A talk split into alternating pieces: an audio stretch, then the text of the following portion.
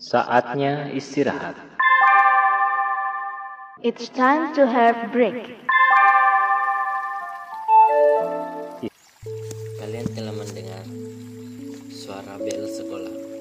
Itu artinya kalian berada di podcast kata siswa.